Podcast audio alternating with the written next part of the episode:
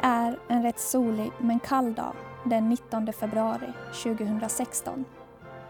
Klockan är lite över tre på dagen och jag sitter just nu på en häst i ett ridhus i Västerås. En häst som jag ska provrida för ett eventuellt köp. Känslan är inte riktigt som den borde vara. Jag gillar inte hästen som jag ser framför mig. Jag har svårt att se den hemma på vår gård. Men jag hoppar upp ändå, trots att magkänslan är fel. Tillsammans skrittar vi några varv i ridhuset. Jag stannar hästen för att rätta till sadeln och då, mitt i allt, ställer sig hästen på bakbenen. Jag vill hoppa av, men innan jag ens hinner tänka det klart stegrar hästen igen. Denna gång tappar hästen balansen och faller rakt bakåt. Jag skriker mig igenom hela fallet, men på en sekund ligger jag där. Jag ligger under en 700 kilos häst. En obeskrivlig smärta och panik kommer som en våg över mig. Jag dör nu. Jag får ingen luft. Jag har päls över hela ansiktet. Hästen börjar slänga sig från sida till sida. Det knakar och smäller i min kropp. Jag får sand i munnen och i ögonen. Jag känner hur mina revben trycks ihop mer och mer. Nu börjar det bli riktigt tungt att andas. Jag trycks ner ganska djupt i sanden. Jag skriker allt vad jag kan och kämpar med ben och armar för att komma bort. Det börjar blinka i mina ögon och en extrem värme sprider sig från tårna upp till huvudet. Är det så här det känns när man dör? I ett flås lutar sig hästen framåt och blir som sittandes över min höft och över mina ben. Nu får jag luft igen, men min kropp går inte att röra. Hästen tar sats för att ställa sig upp, men tappar balansen och dimper ner över min lilla kropp igen. Jag skriker allt vad jag kan. Ett ljud av något som gick av i min kropp ekar som en nyårssmäll i mitt huvud. Smärtan just nu går inte att förklara. Det måste vara en smärta som når över smärtgränsen på något sätt. Jag känner ingenting. Jag tänker på Simon, jag tänker på familjen och sen blir allt svart. Vi hörde en låt av Lale och låten heter Goliat. Jag heter Sofie Sjöström och du lyssnar på Sommarprat med mig i Ålands Radio. Jag är bara 28 år och det känns som jag varit med om det värsta. Men jag har också upplevt det mest fantastiska. Jag tror att jag vill ta allt från början. Med denna glada dragspelslåt vill jag hälsa er alla lyssnare välkomna till mitt sommarprat i Ålands Radio. Låten vi nyss hörde heter Trolleybo och är en låt som jag starkt kopplar till min barndom. Det här är en låt som farfar ofta spelade på dragspel. Jag kan faktiskt höra mig och min kusin Rosanna sjunga till den och samtidigt se farfar som koncentrerat spelar på sitt dragspel. Låten kan även få mig att dras tillbaka till en varm sommardag 1996. Jag är ett glatt och skuttigt barn som mer än gärna är barfota. Jag springer till farmor och farfar Dörren hemma hos dem står på vid gavel. Jag går in i huset och genom köksfönstret ser jag farfar sitta ute på altanen i skuggan med en keps på sig och sitt röda dragspel i famnen. Jag möter farmor i trappen som är på väg in efter mer bullar, saft och kaffe. Som vanligt har vi alla samlats där. Kommer en, kommer hela släkten. Vi barn springer omkring på gräsmattan, står på händer, hoppar och studsar medan de vuxna tränger ihop sig på alla stolar som finns. Så här är det än idag. Vi håller ihop. Dock är inte vår älskade farfar, morfar, pappa och man med oss. Men jag vet att han på något sätt är med oss ändå. Det känns när vi alla är samlade. Undrar ni hur jag kan känna det? Jo, för att vi alla har så många fina minnen av honom. Så många starka minnen som går att känna av. En av mina favoritlåtar som jag älskade att sjunga tillsammans med farfar är Drömmen om Elin. Därför vill jag nu ägna denna låt till dig farfar, Lars, eller Lasse som du kallades, Eriksson.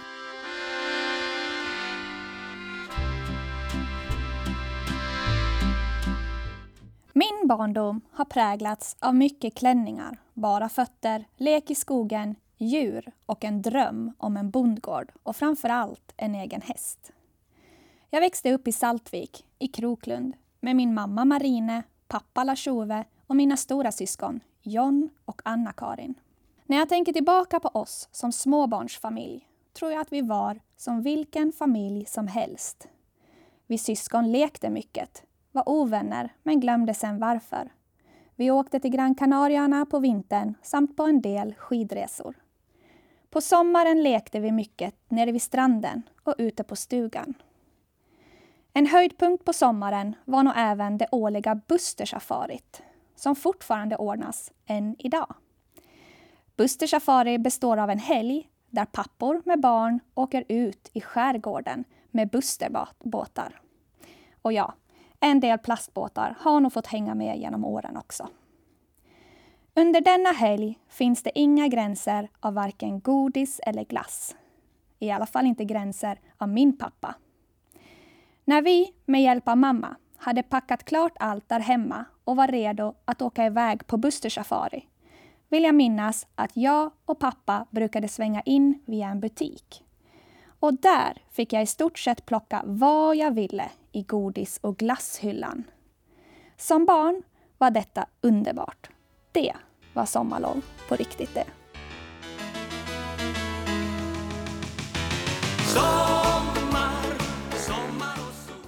I pappas bil spelas det ofta dansbandsmusik. Därför valde jag att spela en låt med Sven-Ingvars, Sommar och sol. Men det är ju så att barn är man inte hela livet. Tonåren går vi alla igenom. Jag tror inte jag skilde mig jättemycket åt från andra tonåringar. Mina tonår bestod av en stark kompiskrets, plugg och min första pojkvän. Jag la även mycket tid på olika hästar, som alltid varit ett starkt intresse för mig.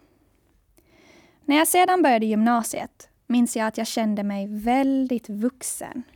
Jag fick övernatta, eller enligt mig bo, i en lägenhet som mina föräldrar äger i stan.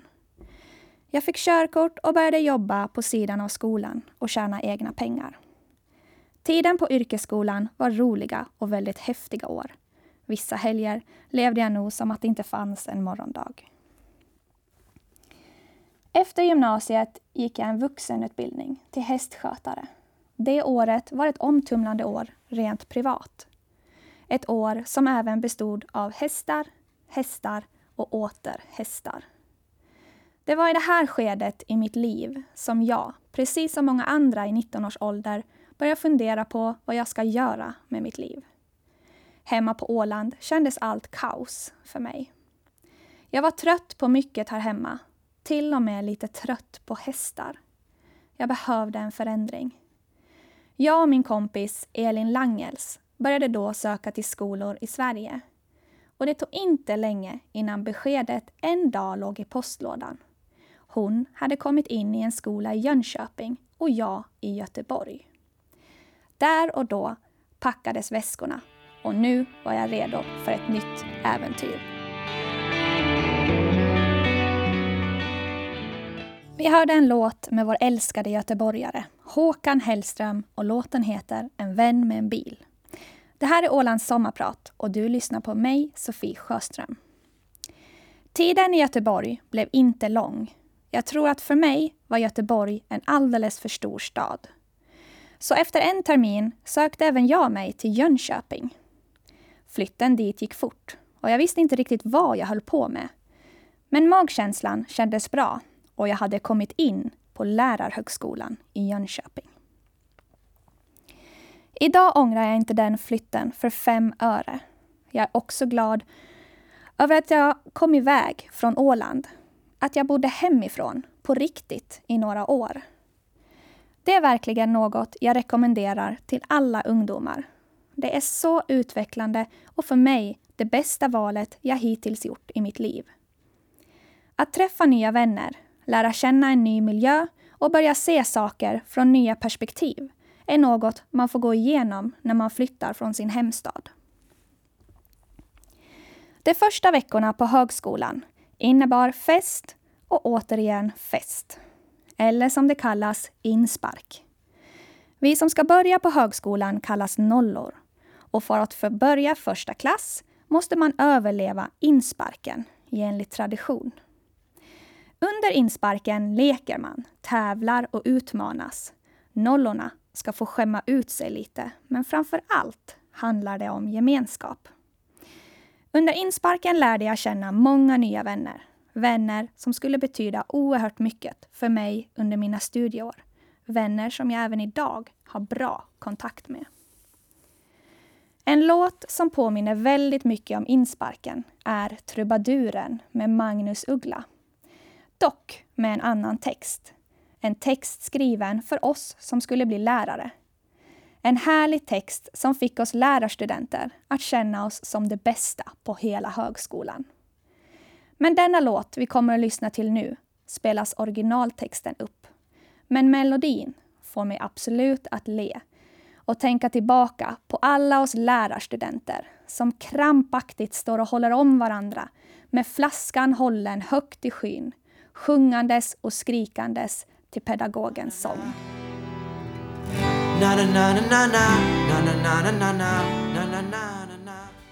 Efter första terminen som alla lärare går, oavsett inriktning, var det dags att delas upp i klasser.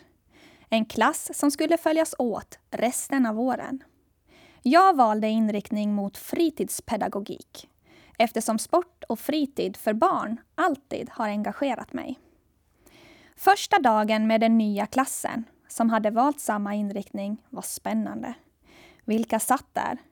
Jag satt i alla fall ihop med min kompis Sofia, en vän som jag träffade redan första dagen på högskolan och höll ihop med natt och dag.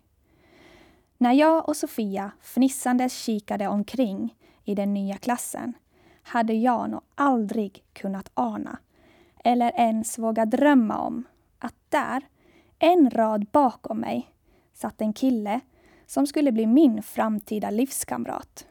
En kille som jag efter sju år skulle gifta mig med.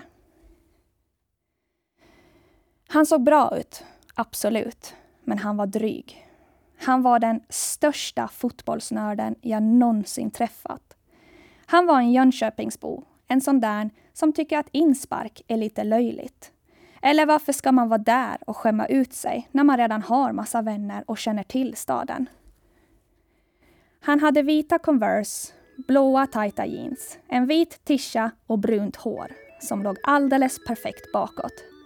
Han fick mig att flacka lite med blicken och han tyckte att jag pratade bra svenska för att komma från Åland. Uh, kan jag falla för en sån här typ? Ja, kanske.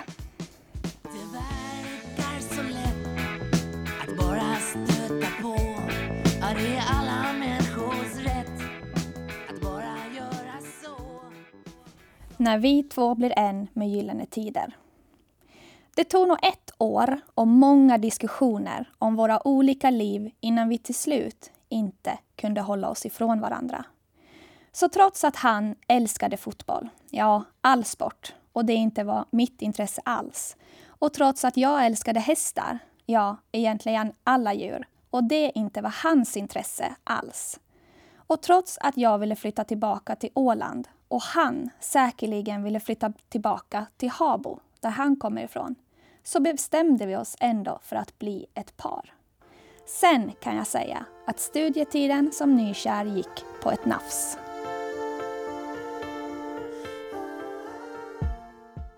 Vi hörde en låt med Bruno Mars, Just the way you are, som påminner mig om vår första tid ihop i hans lägenhet på Brahegatan 34. Simon, som han heter, är verkligen ett nytt kapitel i mitt liv och en ny start för mig. Han är otroligt social, framåt och jordnära. Han är en kille som får mig att tänka djupare på saker. Man kan lita på Simon. Han ställer upp för alla. En egenskap som får mig att mjukna. Simon har också en förmåga att få alla att känna sig sedda.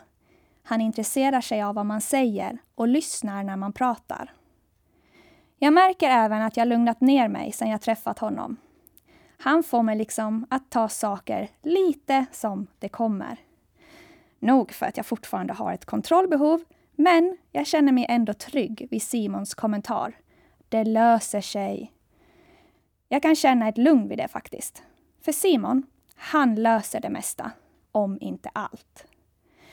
Jag har nu valt att spela en låt med Westlife eftersom Simon är en riktig boybandskille. En riktig mjukis inombords som vill ha sin familj och vänner nära runt sig. Då mår han som bäst. Så här kommer låten till dig, älskling.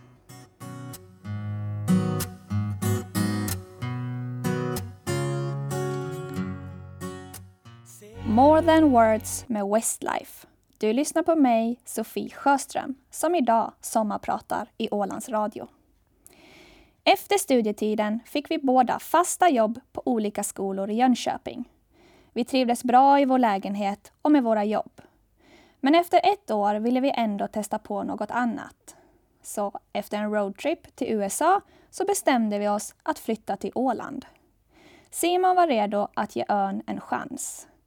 Vad hade vi att förlora på det egentligen? Vi hade ju varandra.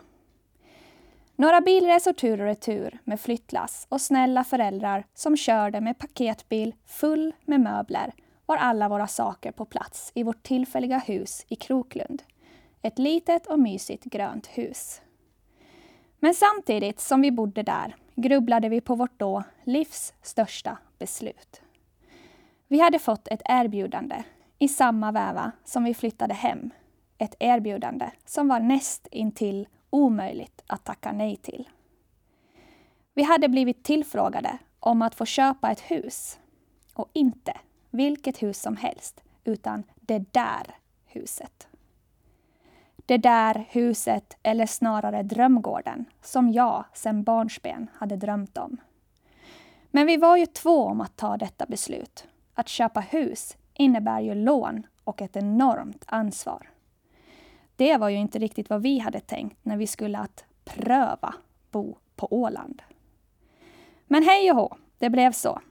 Det var min dröm och Simon, som är väldigt spontan och med mottot ”det löser sig”, tackade vi sedan ja. Och tre månader efter så fick vi flytta in. För att ni lyssnare i den lite äldre generationen ska veta vilket hus jag pratar om så känner ni säkert till Blomrosens en liten sidostickare som jag kom att tänka på nu var när jag och Simon skulle hem från en utekväll efter att vi precis flyttat in. Vi sa till taxichauffören, lite stolta sådär som husägare, att vi skulle till adressen Överängen 53. Han funderade lite. Sen vände han sig om och sa till Blomrosins. Japp, svarade vi. Det är alltså Gunilla Blomrosens ägor vi köpte. En generationsgård med ett hus byggt 1906. På gården står även ett gästhus, garage och en laddugård. En riktig dröm för oss båda. 2014 gick snabbt. Nu var vi husägare och gårdssysslorna var ett faktum. Och planerna för framtiden och huset var igång. Hösten gick snabbt och sedan en vinterdag den 22 december 2014 gick Simon ner på knä nere vid grannarnas båthus. Och i ett tårfyllt ögonblick svarade jag självklart ja.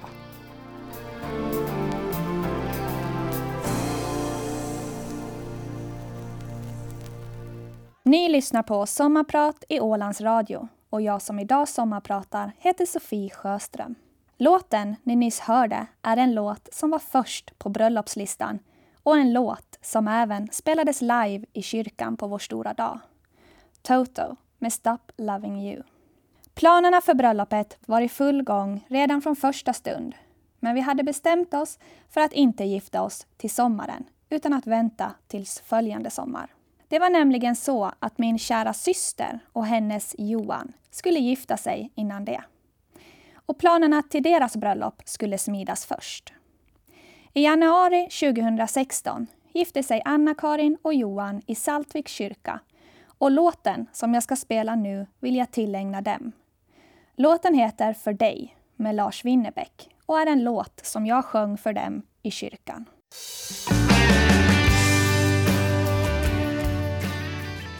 Ja, var är jag nu i min berättelse? Jo, jag börjar närma mig starten av det här sommarpratet. Minns ni den där soliga men kalla dagen den 19 februari 2016? Klockan var lite över tre på dagen och jag var i ett ridhus i Västerås. Nu hade jag en utbildning, jag hade Simon, vi hade ett hus och vi skulle gifta oss. Det låter väl bra? Ja, det tycker jag också. Det kändes som jag hade allt där hemma, men en häst saknades. Simon hade byggt boxar i laddugården och hagarna var färdigt uppbyggda. Jag ville ha en häst, så med mig tog jag min brors sambo Cecilia Sundqvist för att kolla på två hästar som var till salu. Vi hade väldigt trevligt på vägen till Västerås. Allt var bra, tills vi kom in där i ridhuset och en konstig känsla kröp fram i magen. Där stod inte hästen som skulle bo på vår gård. Jag bara kände det. Men jag hoppade upp ändå, trots att magkänslan var fel. Tillsammans skrittade vi några varv i ridhuset. Jag stannade hästen för att rätta till sadeln och då, mitt i allt, ställde sig hästen på bakbenen. Allt blev svart. Cecilia sitter bredvid mig. Jag skakar och jag ser att hon gråter. Ägaren till hästen såg inte själva olyckan eftersom hon vid det ögonblicket var inne på toaletten. När hon kom in i ridhuset låg jag nedtryckt i sanden och Cecilia skriker till henne att ta ut hästen och ringa ambulansen. Det skulle ta 15 minuter, men det kändes som 15 timmar. Jag försökte känna var det gjorde mest ont, men slutade direkt röra mig när jag kände att något knastrade på ett obekant och smärtsamt sätt. Jag började gråta, men hejdade mig för det gjorde alldeles för ont. Jag började istället tänka på allt jag hade där hemma. Hade jag uppskattat allt? Hade jag sagt till alla, eller vet alla där hemma om hur mycket det betyder för mig? Hur skulle ett rörelsehindrat liv se ut? Skulle vi kunna behålla gården? Och bröllopet då?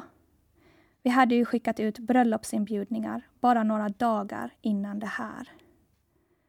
Hade jag inre blödningar? Skulle jag ens överleva? Där och då bad jag faktiskt en djup bön till Gud. Snälla var med mig nu. Snälla, hjälp mig. She's a good girl Loves her mama Loves Jesus vi hörde John Mayer, Free Fallin'. Ambulansen hördes redan på kilometers avstånd. De körde in i ridhuset och två ambulansförare kommer springande mot mig med en bår i händerna. De ställde massa frågor och då gick tårarna inte att hålla in mer. Jag skrek till dem och frågade frågor som Kommer jag kunna gå igen? Och kommer jag kunna få barn? Men de var oroliga för helt andra saker. Lyftet från marken till båren är en smärta jag aldrig kommer glömma. Jag vill svära nu, men jag gör det inte. Men fy inåt vad ont det gjorde. Väl inne i ambulansen kopplades slangar i mig från höger och vänster och morfinet började pumpa in. Jag minns inget av resan till sjukhuset. Däremot minns jag ögonblicket när de springer med mig på båren in till sjukhuset. Två vita dörrar smälls upp och ett gäng grönklädda människor omringar mig. Samtidigt som båren rullas och de små springer bredvid mig frågar de frågor och klipper upp alla mina kläder. Jag skriker bara samma två frågor om och om igen. Kommer jag kunna gå? Kommer jag kunna få barn? Jag skickas in i en stor maskin och sen minns jag inget mer. Jag vaknar upp till det där typiska sjukhusljudet. Jag tittar mig omkring och ser fullt med slangar kopplade till min kropp. Jag hör det där pipande ljudet och ser samtidigt min hjärtfrekvens ticka på en maskin. Utanför ser jag en sköterska prata med låg röst till Cecilia som oroligt blickar in mot mig men möter mig sedan med ett leende när hon ser att jag är vaken. De båda kommer in. Sköterskan förklarar att något är av i mig, men exakt var kan hon inte svara på. En ortoped ska titta på bilderna först och sen skulle jag kunna få ett besked. Hon förklarar även att de tror att brotten kan vara på farliga ställen så jag bör ligga så stilla som möjligt för att inget ska hända. Men tro mig, rörde jag ens lillfingret så värkte hela kroppen i en fruktansvärd smärta. En smärta som kändes som en stor slägga som svingades mot min höft. Verken var obeskrivlig. Efter det förklarade att en kanyl måste in via magen så att blåsan skulle kunna tömmas. Det kunde inte gå in den vanliga vägen eftersom benen måste vara stilla. Två eller tre sköterskor lutar sig över mig och gör sitt ingrepp. Cecilia håller sina armar om mig och viskar i lugna toner. Tack för att du var med mig, Cecilia. Du vet att du betydde mycket där och då. Att du sedan ringde till Simon, till min syster och min bror och framför allt till mina föräldrar kan inte varit lätt. Du visste vad som hade hänt, men du visste inte vad som skulle ske. Att mina föräldrar precis hade landat på Gran Canaria tillsammans med min brors barn Jonathan kan inte ha gjort samtalet lättare för dig. Självklart var detta ett fruktansvärt samtal för mina föräldrar att få. Men efter att mamma, som är sjukskötare, hade fått pratat sjukhusspråk med en doktor kunde det lugna sig lite då de visste att jag hade full uppsyn och bra vård. Jag avbryter med en låt nu och denna låt tillägnar jag hela min familj från båda sidor.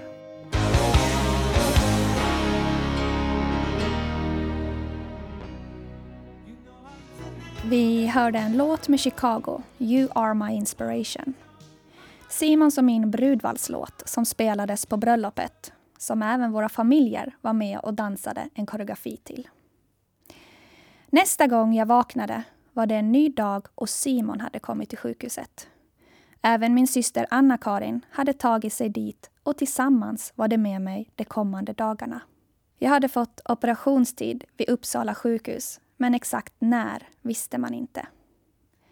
Jag sov och vaknade till och från i tre dagar innan det var dags för min operation i Uppsala. I tre dagar hängde Anna-Karin, Simon och även min svärmor i rummet i Västerås. Dag och natt. Ni anar inte vilket stort stöd ni var för mig de här dagarna. Jag var inte vaken i många timmar dessa dagar, men att vakna upp och se er i rummet var den största tryggheten ni kunde ge. Er närvaro. Vid Uppsala sjukhus blev jag sedan nedkövd och opererad. Min höft hade släppt från ryggen och borrades fast med en skruv. Höger sida av bäckenbenet var av på två ställen och lagades med metallplattor. Även en spricka i bäckenbenets vänstra sida fanns där, men det var något som skulle få läka ihop utan metall. Jag fattar inte att de kan göra såna här operationer.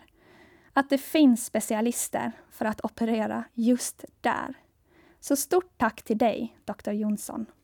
När jag vaknade upp på uppvaket efter operationen minns jag att jag var orolig. Jag såg nämligen ingen där som jag kände.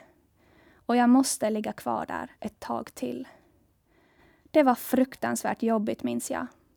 Simon och Anna-Karin hade lovat att vara där när jag skulle komma tillbaka till mitt rum igen. Men jag kände mig orolig ändå.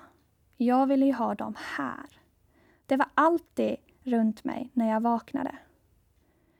Den känslan är något jag kommer att ta med mig hela livet.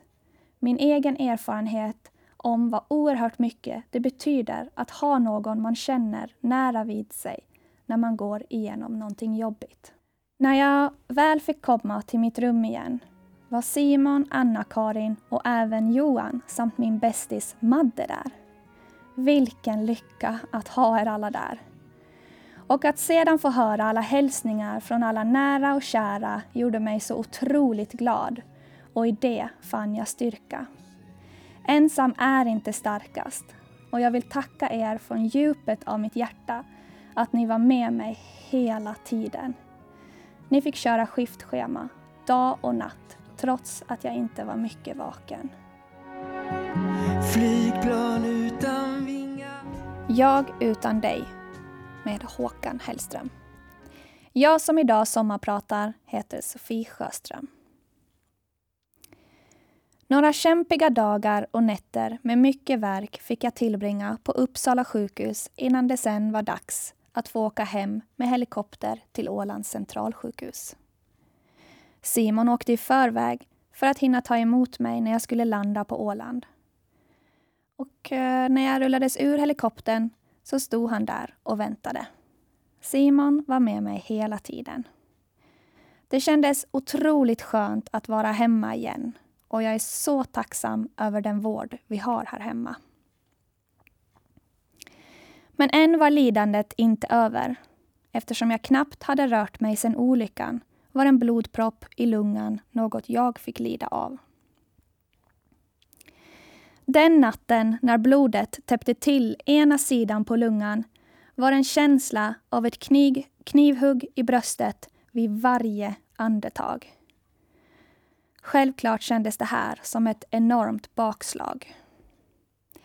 Alltså ni kära lyssnare. Tänk vad mycket som bara fungerar i vår kropp. Tänk att vi vid ett normalt tillstånd kan andas normalt. Kom ihåg att uppskatta din kropp som bara fungerar. Jag tar från det ögonblicket inget för givet mera. Det är så otroligt mycket i en kropp som bara fungerar. Har ni tänkt på det? När jag väl fick komma hem från sjukhuset skulle jag tillbringa två månader i rullstol innan det var dags för återkontroll i Uppsala. Skulle allt se bra ut skulle jag sedan gå med kryckor ett tag för att sedan lära mig gå igen. Jag hade redan på sjukhuset bestämt mig för att jag skulle kunna gå till bröllopet den 6 augusti. Så jag hade ett tydligt mål till att börja med. Den fysiska träningen hjälpte min fasters man Mats Danielsson mig med. Han var ganska tuff med träningen och trots att jag satt i rullstol och inte fick lägga tyngd på varken mina ben eller höft så hittade han en massa övningar som skulle vara förebyggande inför gåträningen om åtta veckor. Men det var inte bara den fysiska träningen som var hård, utan självklart även den psykiska. När jag väl klarade mig ensam i hemmet och Simon började arbeta igen kom vardagen i fatt. Jag rullade omkring omgiven av olika hjälpmedel för att klara mig själv i rullstol. Tittandes ut genom fönstret där jag såg den färdigt uppbyggda hästhagen och dörrarna in till stallet. Jag vet att jag många gånger då tänkte, varför just jag? Och vad har jag gjort för att förtjäna det här? Jag minns särskilt en morgon när Simon som vanligt hade packat lite saker från övre våningen som jag ville ha. Där uppe har vi nämligen vårt sovrum och alla kläder. Jag sov just då nere i vardagsrummet. Han åkte iväg på jobb och efter en timme började jag frysa om fötterna. Skit! Jag glömde be om ett par sockor. Jag rullade in fötterna i en filt, men så fort jag började rulla med rullstolen gled filten ner och fastnade under hjulen. Jag rullade till fönstret och kikade mot grannarna. Men bara några dagar innan hade jag skrivit till dem och bett om hjälp då jag hade glömt något annat på övre våningen. Dessutom var jag så trött på att be om hjälp. Jag rullade till trappan och tittade upp på de 17 trappstegen och sedan började gråta. Eller inte gråta, jag skrek och grät. Varför händer det här mig? Det var där och då som den mentala träningen för mig började. Håkan Hellström sjunger Res dig efter varje smäll. Du har en ängel på din axel. Din tid kommer. Det var nog det jag kom fram till efter ett tag, att det fanns inga gen genvägar. Det är bara att resa sig efter denna smäll och på riktigt ta tag i den mentala träningen för att sen klara den fysiska träningen. Men mental träning är inget man bara sätter sig ner och gör. Det tar tid och det tar tid att acceptera nuet och hitta sig själv. Jag har suttit och funderat på hur egentligen jag gick tillväga och kom fram till följande. Steg ett är nog att kunna slappna av och acceptera situationen man är i. Jag hade hört på sjukhuset flera gånger att du ska vara glad som lever. Men det är inget som når djupet där och då. Där och då var ju min situation alltför smärtsam. Jag hade ju dessutom byggt upp hur hela min vår skulle se ut med jobbet som lärare som jag trivdes bra vid, med min nya häst, allt bröllopsfix, lite husrenovering och kanske en skidresa. Men allt det här kändes som bortblåst nu. Men när jag kom hem och tvingades vara ensam i rullstolen och inte kunde göra något mer än att läsa, rehabträna och måla så började jag acceptera min situation. Jag började slappna av. Jag fann ro i det och jag njöt. Njöt av att inte göra någonting. Att inte känna några måsten och ingen stress över allt jag ville hinna med under våren. Jag fick under dessa månader vakna och ta dagen helt som den kom, till mina förutsättningar. Sedan kommer man till den här uppskattningsprocessen som jag ser som del två. Till att börja med, min kropp. Tänk vad den har fått gått igenom smärta. Och jag kan inte förstå att den har tagit mig så här långt idag. Vilken hjälte jag är och vilken superkropp jag har. Det här är en känsla som väller över mig nu, men även då. Där och då i rullstolen när jag och Mats lyckades få min kropp att göra ett litet, litet framsteg. Detta i form av några muskelryckningar och fötter som äntligen gick att böja uppåt och neråt igen. Och sen Simon. Simon som kom hem med ny positiv energi från jobbet alla dagar.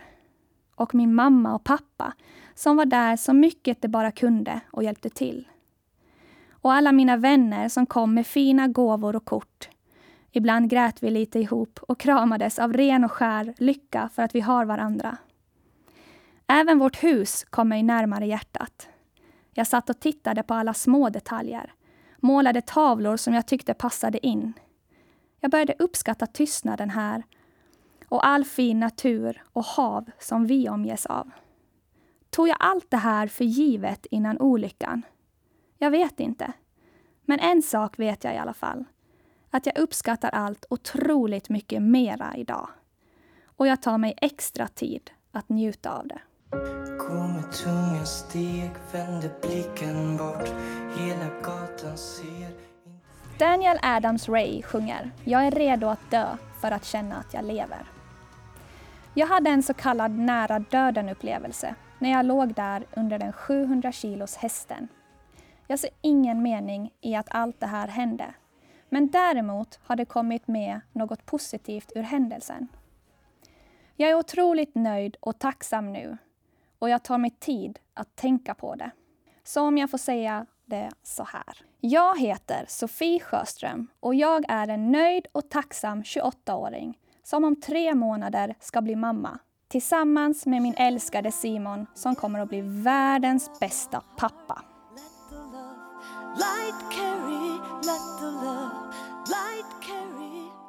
En riktig feel good låt fick vi höra där. Love Shine a Light med Katrina and the Waves. Du lyssnar på Sommarprat i Ålands Radio med mig, Sofie Sjöström. Tre månader efter att jag fick lämna rullstolen gick jag in i Jomala kyrka armkrok med min pappa och med mina kusiner, brors barn och syster i följe. Fram till Simon. Ett magiskt ögonblick för oss alla. Vi tog efternamnet Sjöström, som är min farmors flicknamn. Det blev en helt fantastisk dag som firades hemma på gården med fest i vår lada med alla nära och kära. En månad efter bröllopet satte jag mig sedan upp på hästryggen igen och bara några veckor efter det köpte jag min drömhäst Sailor Moon. Allt detta knappt ett halvår efter olyckan. Tro mig, jag är stolt. Idag lever vi nog ett helt vanligt liv, jag och Simon. Jag började jobba i våras igen, ett år efter olyckan, vilket funkar bra rent fysiskt, trots att jag inte arbetar heltid och är försiktig och lyssnar på min kropp, som ännu inte är helt återställd. Jag försöker rehabträna så ofta jag kan med målet att stärka mina muskler. Simon han jobbar och spelar en hel del golf samt så här i sommartider ägnar mycket kärlek åt hans korplag Laby Labans som jag avslutningsvis kommer spela en låt till. Låten är skriven av Simon. Musiken är gjord av hans bror Jonas Brännström och sjunger gör Simon och jag. Men ni, innan jag säger hej då vill jag bara påminna er alla om att livet är verkligen inget vi ska ta för givet. En olycka kan ske snabbare än vad vi tror. Så varför skiljas som ovänner? Eller varför lägga så otroligt mycket energi på helt fel saker? Njut nu istället. Alla människor kan bli bättre på att njuta. Sätt dig ner nu. Lägg armarna i kors. Njut och uppskatta det du har. Och le när du tänker på det. Här kommer nu låten Laby Labans med Sjöströms. Det är match igen med Laby Labans.